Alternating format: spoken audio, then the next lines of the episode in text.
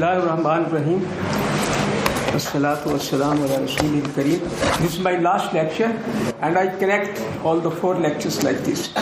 In the first lecture, I discussed where do we stand at present with respect to the development of Islamic economics as a social science. And then the conclusion was that we could not so far develop a social science of Islamic economics, although we have produced a lot of literature on that. The second lecture said we couldn't do that because we had the methodological problems. And then I proposed a methodology that we should develop an understanding of the primary sources of Islam, and from the basis of that primary source of Islam, we should adopt the scientific method of writing hypotheses, testing them, and developing theory of Islamic economics. Today, my argument is was in the morning that understanding the primary source of Islam also requires some sort of innovative thinking and ijtihad. Now, my final lecture today is it says very briefly that revelation there is one source of knowledge reason the other source of knowledge is revelation from god both of them if they combine together enrich the human canvas of knowledge. And then i say in the light of revelation we can contribute to the existing knowledge of economics. And i for example i give six areas where this contribution can be made. This is the summary of what i am going to say. Here is economics in the middle which is developed on the basis of human intellect and empirical data and outside there is a circle of revelation which expands the frontiers of economics. So, how it does, I give some examples and illustrate this point. Whether it expands or it narrows down. Pardon? Whether revelation expands economics or narrows down. It expands Okay?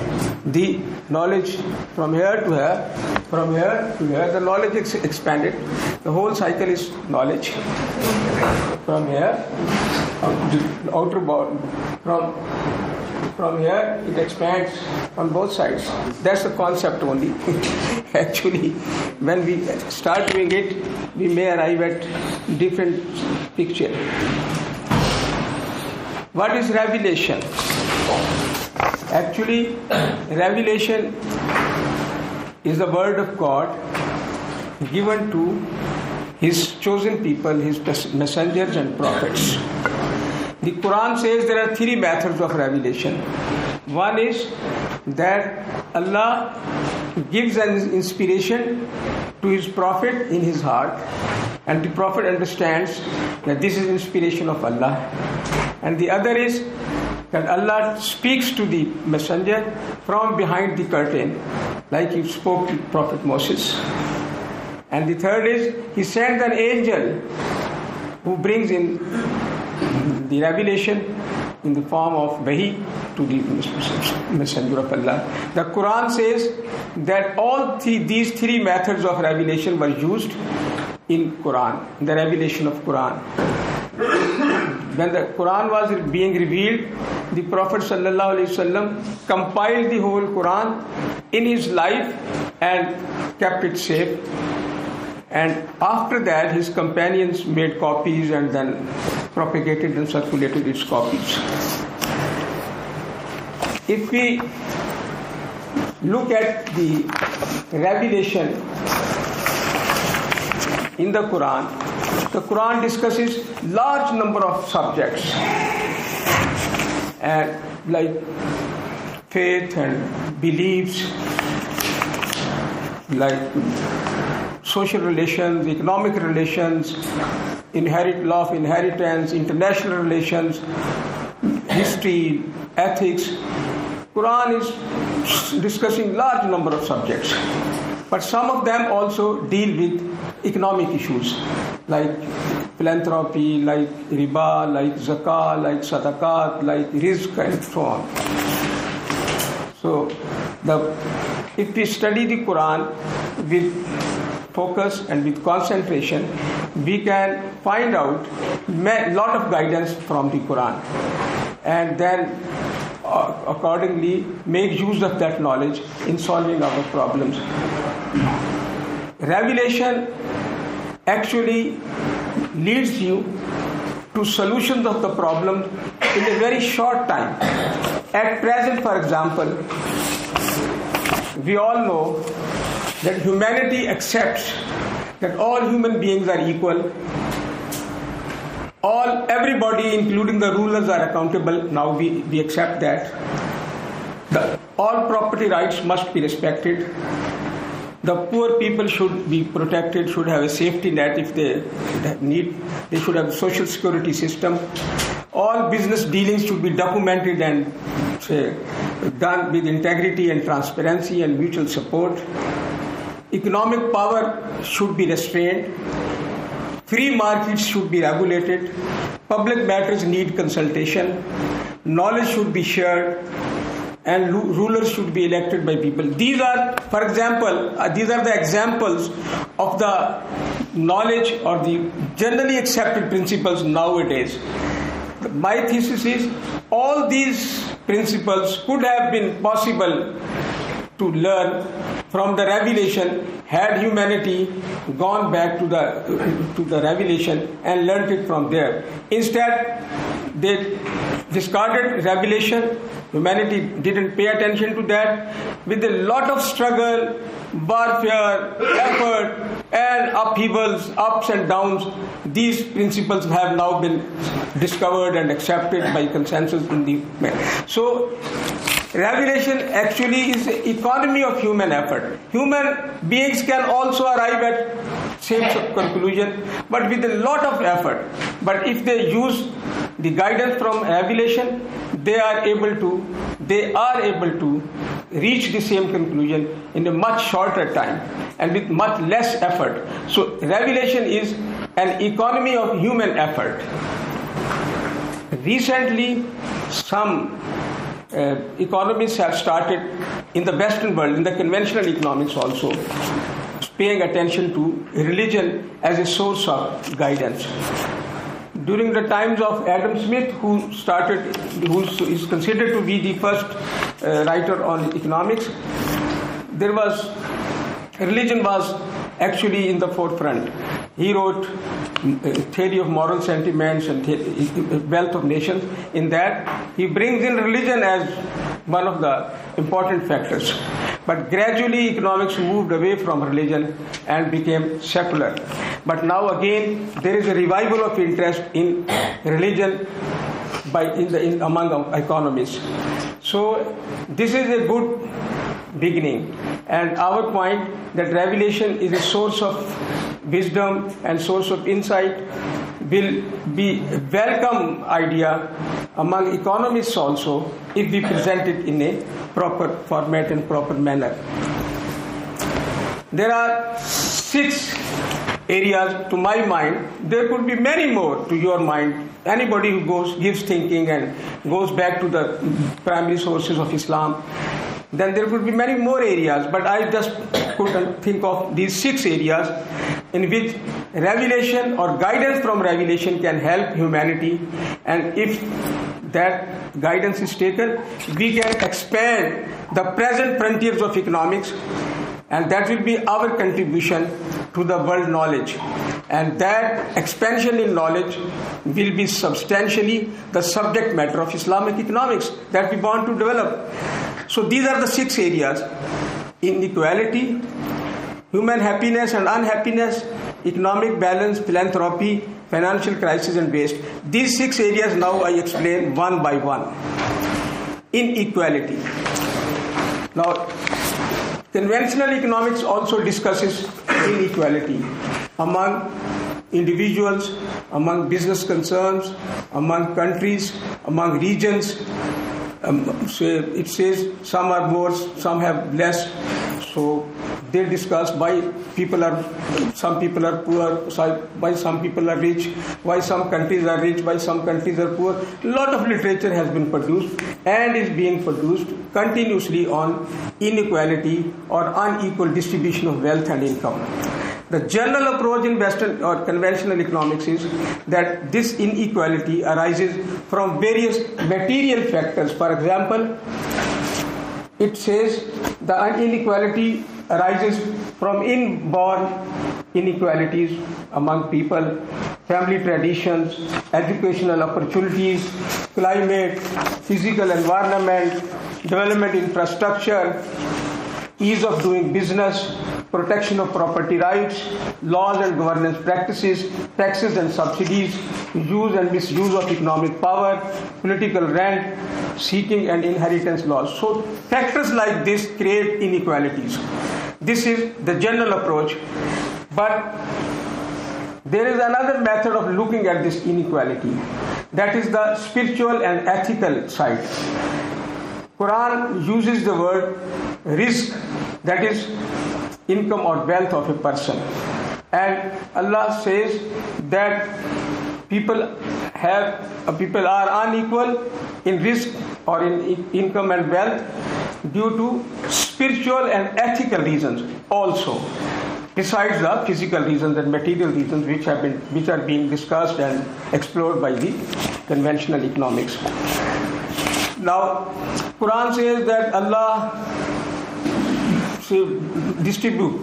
Distributes the rizq among people among nations and among localities. Some are given more some are given less. Some are given beyond any reckoning. Some are made poor and, and, and, and deprived. And the way allah wants he does that could you think that allah will be doing all this without any principle or without any law or without any consideration that he is a blind ruler and he will say, say donate somebody and deprive somebody? No it cannot be. There are definite ethical and spiritual laws working behind that distribution. Why people are given more? Some people are given more. Why some people are deprived? Why a person is given and then deprived? Why a person is deprived and given more? And why uh, say the inequality exists in the in, among the nations. Uh, it cannot be that allah is just doing it like a blind careless ruler and the way he wants he does that. No it cannot be. There are definite laws.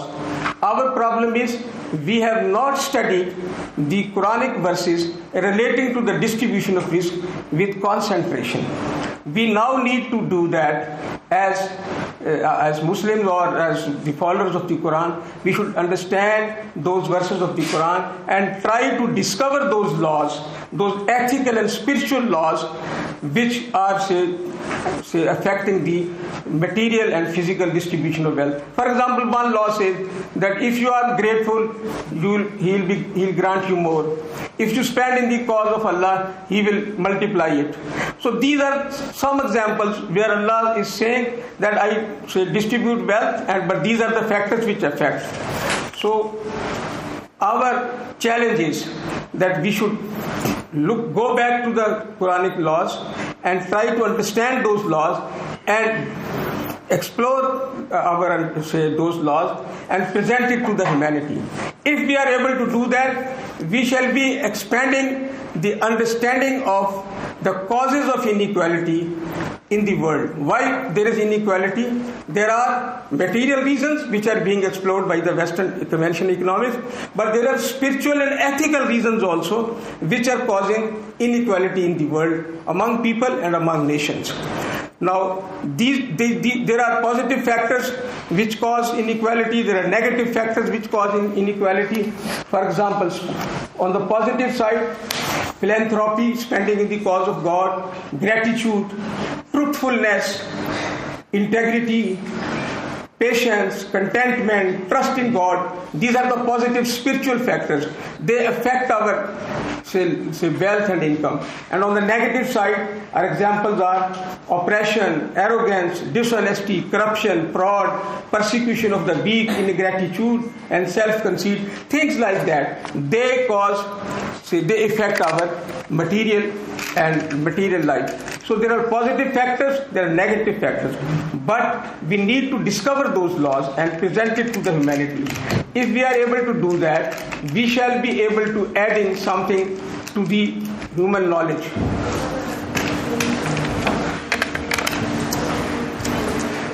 This is the expansion in economics. Ethical spiritual laws of distribution of wealth. If we are able to discover those laws and present those laws, it will expand the, the, the frontiers of economics accordingly. This is the first area. Second area is the human happiness and human unhappiness.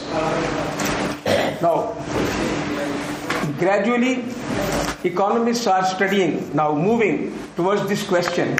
It's not enough that you have more wealth, more income. More important is that if you are happy or not. Now, if you look think, things from this angle, it is possible you may have more wealth, but you are not happy. But you have less wealth, you are happy. So now a report is being published every year, World Happiness Report. This World Happiness Report is published every year. They have six parameters of happiness. One, per capita income, how much wealth or income you have. Life expectancy at the time of birth, freedom from disease and illness, freedom to make life choices that you do not have to look up to somebody else for your choices, life choices. So if you have that freedom, you are happier. If you don't have that freedom, you are unhappy. Social support means that if for example, there is a hard time upon you, you get unemployed, become unemployed, or you have difficulty, in financial difficulty, there is somebody who can support you and help you. This feeling, this this idea that there is somebody on which you can bank upon or who can help you is known brings you happiness and satisfaction. And then generosity and philanthropy that you care for others you spend on others and you feel happy. Although you are not getting anything in return but you feel happy. And then freedom from corruption that in your daily life you deal with the government and uh, other agencies and you do not come across any dishonesty fraud or cheating these if there are six things that bring happiness or unhappiness if you look at that these three are economic indicators per capita income life expectancy of freedom to make choices, life choices. They are the economic indicators of happiness. But then there are three spiritual indicators also, which which the World Happiness Report is. They are not saying it's spiritual, but they are spiritual. For example, social support that you take care of other relatives and friends in Islam, we say sila rahmi, that we say we, we take care of other people, although we do not expect any return. That is social support. And then generosity and philanthropy that you spend upon others, in fact, that we say in Islam, and freedom from corruption, that is honesty and integrity. These are the spiritual factors. So, happiness, even according to the conventional economics, consists of two types of factors economic factors, these are the economic factors per capita income, life expectancy, any freedom from disease, and freedom to make life choices, and economic and spiritual factors. They are social support, generosity and philanthropy, and freedom from corruption. They are actually getting closer to the Islamic concept of happiness that comes with the concept of falah. This is falah, and this is the capitalist, capitalism that is the six factors that I have just enumerated. But over those six factors, there are three more factors, spiritual factors, that contribute to human happiness. One is spiritual foundation, any faith and ethical behavior that you believe in God and uh, resurrection and judgment on the day of uh, Akhirah, and spiritual purification that is tazkiyah, that you purify your actions, and spiritual consciousness that is taqwa, that you behave in a manner that Allah is seeing you all the time and you are fair to the people and to everybody else. This path from capitalism, if you add these three things to capitalist system, to the capitalist society, that is the ethical uh, and spiritual and ethical found behavior, that is you are ethical in your behavior dealings and you undertake tazkiyah and you adopt taqwa, you achieve falah. Now, this is a more comprehensive concept of happiness than the happiness being discussed in the Western economics. If you add this, you will expand the economics of frontiers of economics. Then, Quran talks about this happy life and uses a term known as hayat tayyaba that you get a pure and say pious life but I have given just one example on this slide, but in my paper there are more examples. As for anyone, be it a man or a woman who does righteous deeds, that's ethical deeds, and is a believer withal, him shall be most certainly caused to live good life. That is hayat tayyibah. That the path of falah, that in the in the capitalist society, for example, in in in, in, our society, uh, if you add three things that is ethical behavior, spiritual purification, that is tazkiyah, that you purify your actions, and taqwa, you are God conscious, you are on the path of falah, and once you are on the path of falah, you achieve hayat tayyibah at the end, you reach this end. Now, this is the contribution that Islam can make to the conventional economics. If we are able to discuss and elaborate these concepts, then we can contribute to the conventional economics. Now, there is another concept that Islam discusses that is unhappy life. If you think over the human world anywhere, the number of unhappy people in the world are more than happy people. But still, conventional economics discusses happiness, but not unhappiness. Quran also discusses unhappiness. It says that unhappy life comes through material hardship, like for example unemployment and poverty and so on. And but there is mental and spiritual hardship also. The mental and spiritual hardship comes from a basic rule. Quran says, But as for him who shall turn away from remembering me, his shall be an unhappy life or life of narrow scope or hard life. Quran uses the term maisha danka. That if you turn away from God, you have a hard life. Now, what is turning away from God? Turning away from God means, to my mind, unlawful sources of income. You get into unlawful sources of income, dishonesty and cheating in dealings, usurping other people's property unlawfully, disobeying God's law of inheritance, being miserly and money minded with your relatives and family and your dependents, wasteful spending that you waste money and other resources, excessive love of material pursuits, non payment of obligatory zakah, and violating contracts and commitments. These are the methods you can, when Allah says, one who turns away from my remembering me, the indicators are these unlawful source of income and so on. And if you indulge in all that, it means you are turning away from God. And if you are turning away from God, you arrive at a life of narrow scope. What is life of a narrow scope?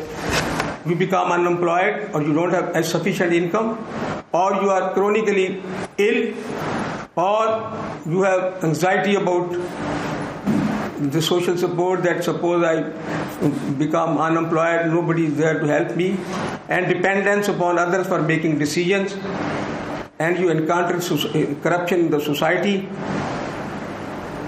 or you face unexpected losses, accidents, abnormal wastages, unwanted legal and social disputes, unfriendliness from people around you, spiritual void, lack of daily spiritual activities like prayer, making others unhappy, abstaining to spend upon others. So if you turn away from God, you get an unhappy life, and the indicators of unhappy life are these, which I have just enumerated. So the, the principle is that there is a way of becoming happy that you tread the part of falah and there are ways of becoming unhappy yet that you tread the path where you forget or you turn your face away from god. So there are spiritual laws for becoming happy spiritual laws which make you unhappy.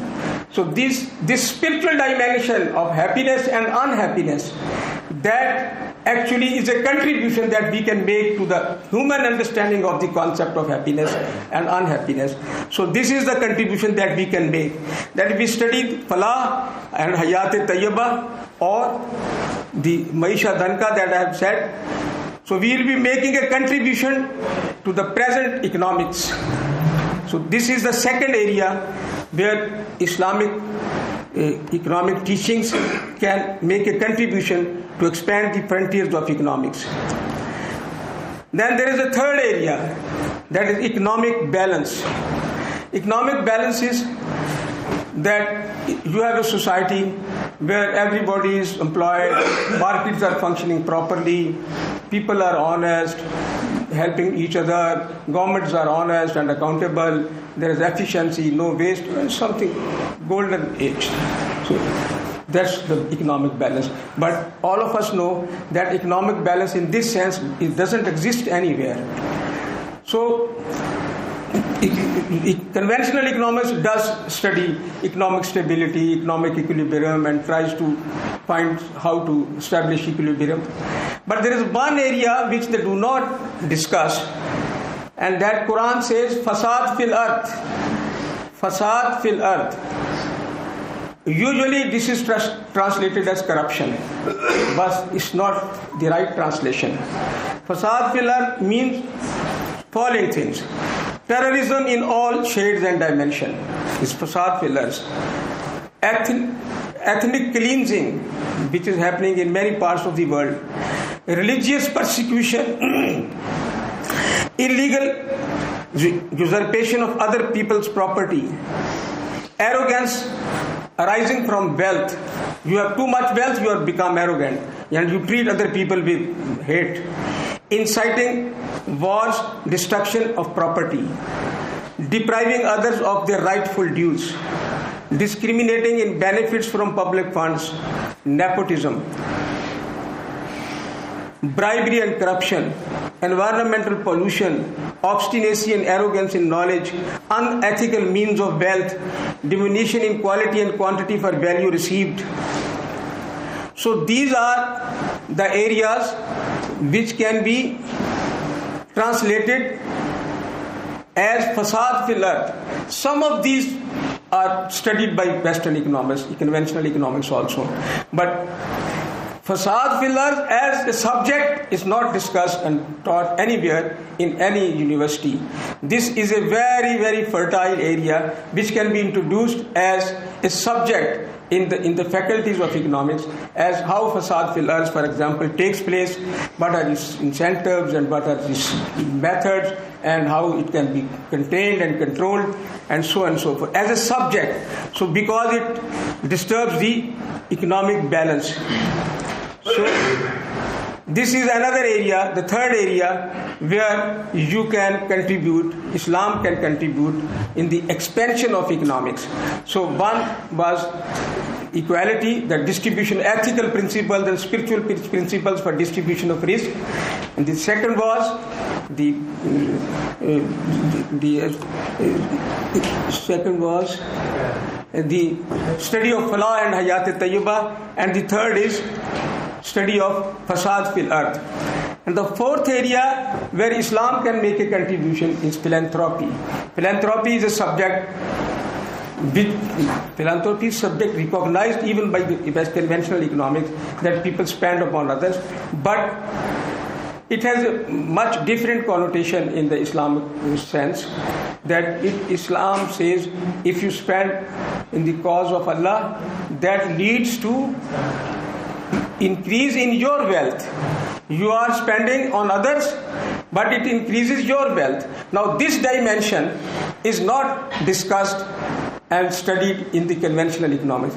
They do discuss how people spend upon others and how people take care of others, but this relationship of philanthropy with the wealth and income of the person or the nations who give is not a subject of study. This can be another area where we can make an expansion in the scope of economics, the conventional economics. Here, we, we, philanthropy can become a subject of discussion. This is the fifth area financial and stock market crisis. You know, in, in, the, in, the, in the Western world, even uh, in Muslim countries also, there are frequent financial crises. During 1970 to 2013, about 43 years, there were 400 financial crises. In USA alone, during three years, 2008 to 2011, 414 banks failed. One major crisis every three years. Trillions of dollars are paid to the banks and in financial institutions by the government from the taxpayers' money to bail out those banks who have failed. And there, there are, every time there is a crisis, there is thinking why it has happened and bit control didn't work, where we failed, and then as a result of that, there are more controls and more regulation, more supervision, and still next time after one or two years there is another crisis. So far, the Western economics has been not been able to present a theory which can precisely predict the forthcoming crisis and avert it. They have theories, but the theories don't work. Why they don't work? Because the real culprit is human greed. You know what happens? This 2008 crisis, then 2013 crisis. What happened? A financial advisor of a bank approaches you and says, Why don't you get a home loan from me? And you say, I am not employed and I cannot pay back the loan. Why should I take a loan? He said, Don't worry. We, we, we, we'll provide you the loan. You will be able to pay it. Don't worry. So he, the, the financial advisor is after his commission. He is he is greedy about his commission and he goes to the bank manager or bank operations people and they are also after their targets and uh, their greed of money. So they lend you the money knowing fully well that this person will not be able to pay back. And now examples are quoted in the literature that a person having no source of income was given loan for five houses, four houses and all the paperwork was done fictitiously, forged, cheating done, lying done, just in the greed of getting more money by the bank officers and managers and analysts and so on because they were after this commission that once they lend you the money they'll get their commission what happens to the bank or the public's money doesn't matter because at the end of the day government will save you somehow so this type of greed is uncontrolled on the, in, the, in the financial institution.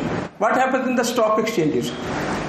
In stock exchange, stock exchange, originally the idea is, and very good idea, that you buy shares of a company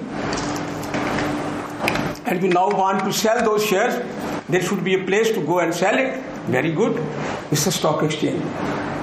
But now gradually has arisen a form of business which is known as short selling. You don't have the shares. You don't have the share. You go to the stock exchange with borrowed funds from the banks. You don't have the funds, and you like to uh, say do business in the stock exchange. You don't have the shares, and now somebody you approach somebody and you like to sell the shares which you don't have It's known as short selling. You, you have the hope that gradually, at the time of actual delivery, say you sell it, you have to deliver it in one month's time or two months' time, and by then I will buy from the market and will deliver it. But when the actual time of delivery comes, you find that you have sold it for $100, now the price is $130, you can't buy it and sell it, so you default. And once you default, then all those people who have done this type of business, they all default. so market collapse. This short selling, what is the source of this short selling? Greed. People are after money they want to earn money out of nothing. They don't have any investment, they don't have any funds, they don't have any reason to go to the market because they don't have to buy and sell anything, but still they go to the market. They sell something which they don't have. But the Islamic law says you cannot do this. If you want to sell something, you must also possess that something. You must own that. Now, this simple but very basic change can create an environment that can save the stock exchanges from collapse. There are other reasons also, of course, there is no doubt about that, but this is one very basic reason. The human greed is creating the collapses of stock exchanges also. So, if you want to avoid these crises, Islamic law can help you. We need to develop a theory of greed. What is greed? Why people eh, become greedy? What is the indicators of greed? How can it be controlled and managed? And how it can be regulated so that it doesn't lead to the crisis. So this is the fifth area in which Islam can make a contribution. There is a sixth area that we feel find that in our societies, that is the Western capitalist society also, because we are following the same model. In, in the public sector, for example, unused capacities, buildings have been prepared and constructed, nobody using them. Obsolete machinery, machines have been purchased, nobody using them. Idle space and unused staff time. People have been hired, have no business to do, nothing to do. If you need 100 people, you hire 120, 150. Mismatch of supply and demand. You provide things, but you don't demand in, in the government. Accumulated receivables that you have sold things, you have to get money from that for that, but not being received, and nobody is bothered. Penalties for unmet financial obligations. That you have to you have to pay certain bills certain obligations had to be met you didn't meet. And, and then you pay penalties on that. These are the examples of waste in the public sector. Also there are example overstaffing incomplete and abandoned projects empty constructed spaces damaged machinery and equipment, unsold and undistributed outputs, lavish public functions in the government. All those are indicators of the waste which, are, which is happening around us every day. Then unnecessary international travels by the government officials, luxurious furnishings of office spaces and official residences, unnecessary procurement of office supplies. These are the examples of waste outdated and uninstalled machinery and equipment, outdated and cumbersome procedures, outright theft, corruption, and fraud. These are the examples of waste, food waste by individuals, by restaurants, by houses, culture of consumerism, buying personal goods, shirts, dresses, fashion goods, cutlery, crockery, sofas, stationaries, curtains, never have time to enjoy them. Just keep on accumulating. So wherever you go, you are you're going buying things, but never have time to enjoy them. Social based that in the social functions you have instead of having simple functions of marriages and other ceremonies and birthday parties, you have a lot of waste on that. Waste is a, now waste is a subject of management also. The, in management studies, we discuss waste, and also in my own area, that is performance auditing, we discuss economy and efficiency and see where money is being wasted by the government and other public agencies. That is true. But there is need for a very more comprehensive focus on waste. If we are focusing on waste at this place and waste at that place and waste at this place, so it is a scattered or segmented study. But we need to discuss waste as a subject in the society, whether at the individual level, business level, or government level, waste has to be discussed as a subject. And for that, Islam gives you guidance. And the guidance is on the two concepts that Islam gives. One is israf and the other is tabzir. Israf and tabzir. Israf means that you need to spend money, but you spend more than is required. That is israf, that you waste money. And tabzir is that you are reckless in spending. I give you an example from my personal experience. I was working in, in one of the ministries in the government, and our government planned to have a summit of the foreign heads of the states. In all, it was expected that about 20 heads of the state will come. And with them, some maybe 200 people will accompany them. So the government had to now arrange people, they had to be there for one day. They will come one day and next day will be summit. Either they will leave the same day or some people will stay for the second night also. Now imagine the place where they had to be, they had to stay in the hotel and place where they have to go for the meeting was only one kilometer, one kilometer distance. And the government had about 35 Mercedes cars which could take them maybe or there are many other cars also but the heads of the states could go anyway. But you know what the government did? They ordered to manufacture a fresh 20 buses with sofas bathrooms kitchens and meeting tables and where in each bus 20 or 30 people could sit.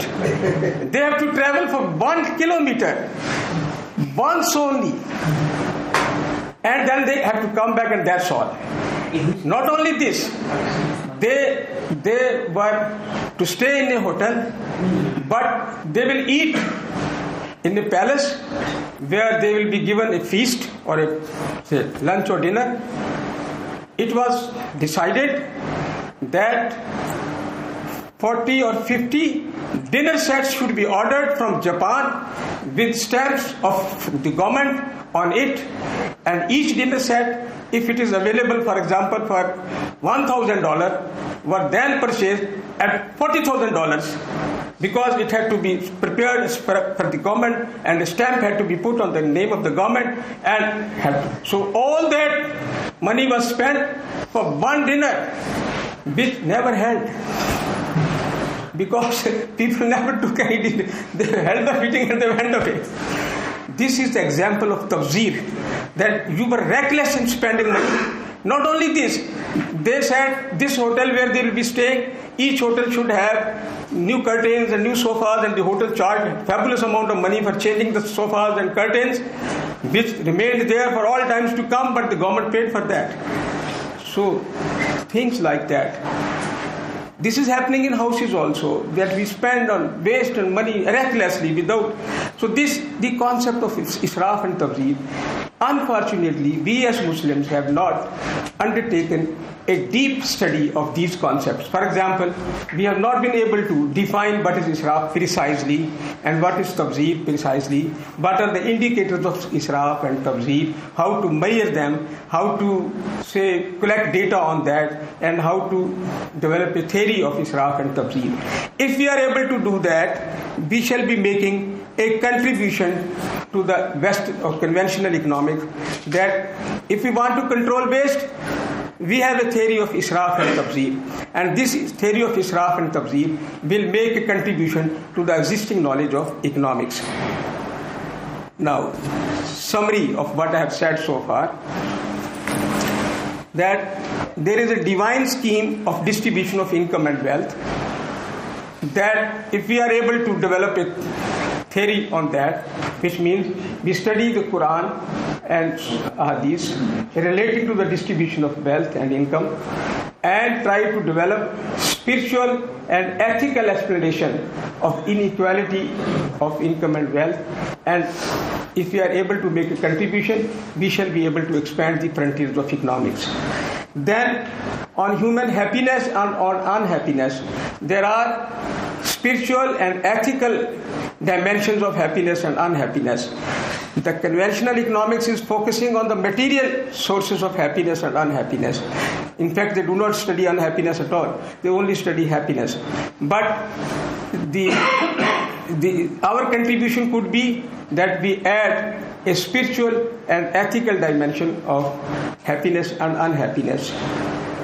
Third is socio-economic balance. We should develop a discipline as fasad fil ars and should be taught in our universities and colleges as a standalone subject with all its dimensions and say, facets. And then we should develop a theory of greed, cheating, lying, fraud, and corruption and how it affects the distribution of wealth and happiness and unhappiness, and then waste in all its dimensions. Now, this, these four lectures, let, let me then conclude, give the final conclusion of the four lectures. Conventional economics studies economics with reference to material resources, supply, demand, production, distribution, income, wealth, all that is fine. We have no problem with that. Islamic economics can make a contribution if it adds a dimension the spiritual and ethical dimension to all these areas of income, wealth, distribution, human happiness, human stability, and so on. If, you, if we are able to do that, we shall be creating a new science of Islamic economics. So far, what we have been doing is we say here is Western economics or conventional economics, and they have a demand of law, law of demand, and they have a theory of market utility, and they have a monetary policy concept, they have a fiscal policy. Concept. Let us try to formulate our own parallel to that. And when we tried to do that, we were not able to make a, say, a very significant contribution because over and over again we were referring to what Western or conventional economists is saying and only adding verses of Quran here and there and trying to look Islamic although there was nothing Islamic in it. But if we don't have a dispute with conventional economics, let it stand where it, stands. We can only make an addition to that by adding a spiritual and ethical dimension to Islamic economic, to economics. And if we are able to do that, that will be our real contribution. But I should tell you, unfortunately, so far we have not taken even the first step. We have been only raising slogans of Islamic economics, but have not actually done any work. We do not read Quran. we do not see what is written there. If we do that, we will see large number of verses relating to economic behavior of people, economic results of the behavior the spiritual and ethical dimension of behavior and how it affects their happiness and unhappiness, how it affects the fall and rise of nations, how it affects their prosperity and misery, how it leads to say, strength and uh, say, weakness. But we have not done that. What we started doing was that we took up Western economics or conventional economics and tried to modify it here and there with very little success. So my conclusion of the, all the four lectures is that if we want to develop Islamic economics, one, we should go back to our roots, develop an understanding of those roots properly. Wherever it is necessary to undertake ijtihad, we should do that. And then, in the light of that understanding, we should formulate hypotheses, and those hypotheses should be brought out and presented to the world and should be tested for empirical validity. If we are able to find data which supports our understanding, it will become theory and it will add to the knowledge of economics of the world.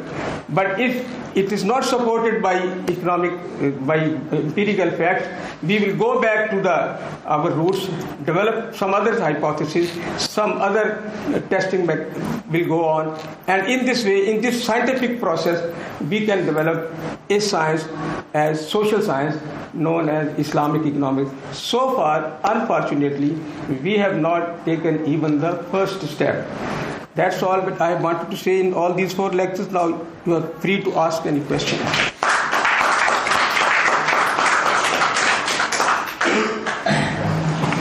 Yes, please. Yes.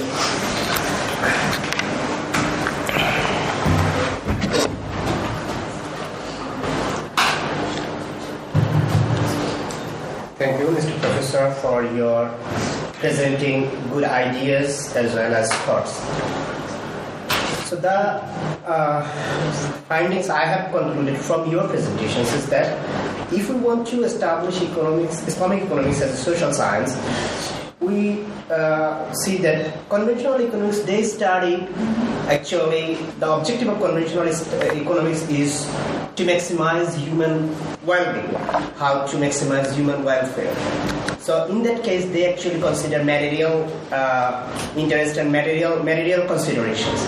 But in Islamic economics, as you suggested, it does not only consider material interest, material well-being, but also spiritual as well as, as other philanthropic well-being, the happiness that you have termed. But the problem is that what about the majority people in the society? What they actually want to maximize? Whether they want to maximize their material well-being or to maximize what kind of happiness you have termed so if we consider that majority people are actually running toward material interest, that's why conventional economics has developed. But while only few people in a society who are actually doing some sort of uh, philanthropic activities and they are also searching some happiness through this way. And if Islamic economics as a subject, if it targets this type of happiness to be maximized, and how it can be maximized, that time we can consider all the ethical laws as well as revelation, and we can consider all the ways you have suggested. But the problem is, whom should we consider? Whether we should consider the majority people or the minority? Okay. It's a very good question. It says if majority of the people want to have material well-being why should we go after spiritual and ethical well-being? If majority of people want so, fine, very good. Be satisfied. Don't get into this business of Islamic economics. The Islamic economics says and means that material well-being is not sufficient.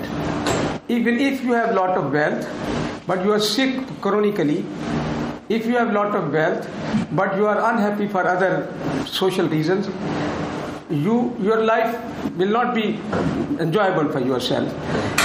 Why most of the people want material happiness is that they are still at a very low level of deprivation once they get material happiness, they will also desire. This is the human nature.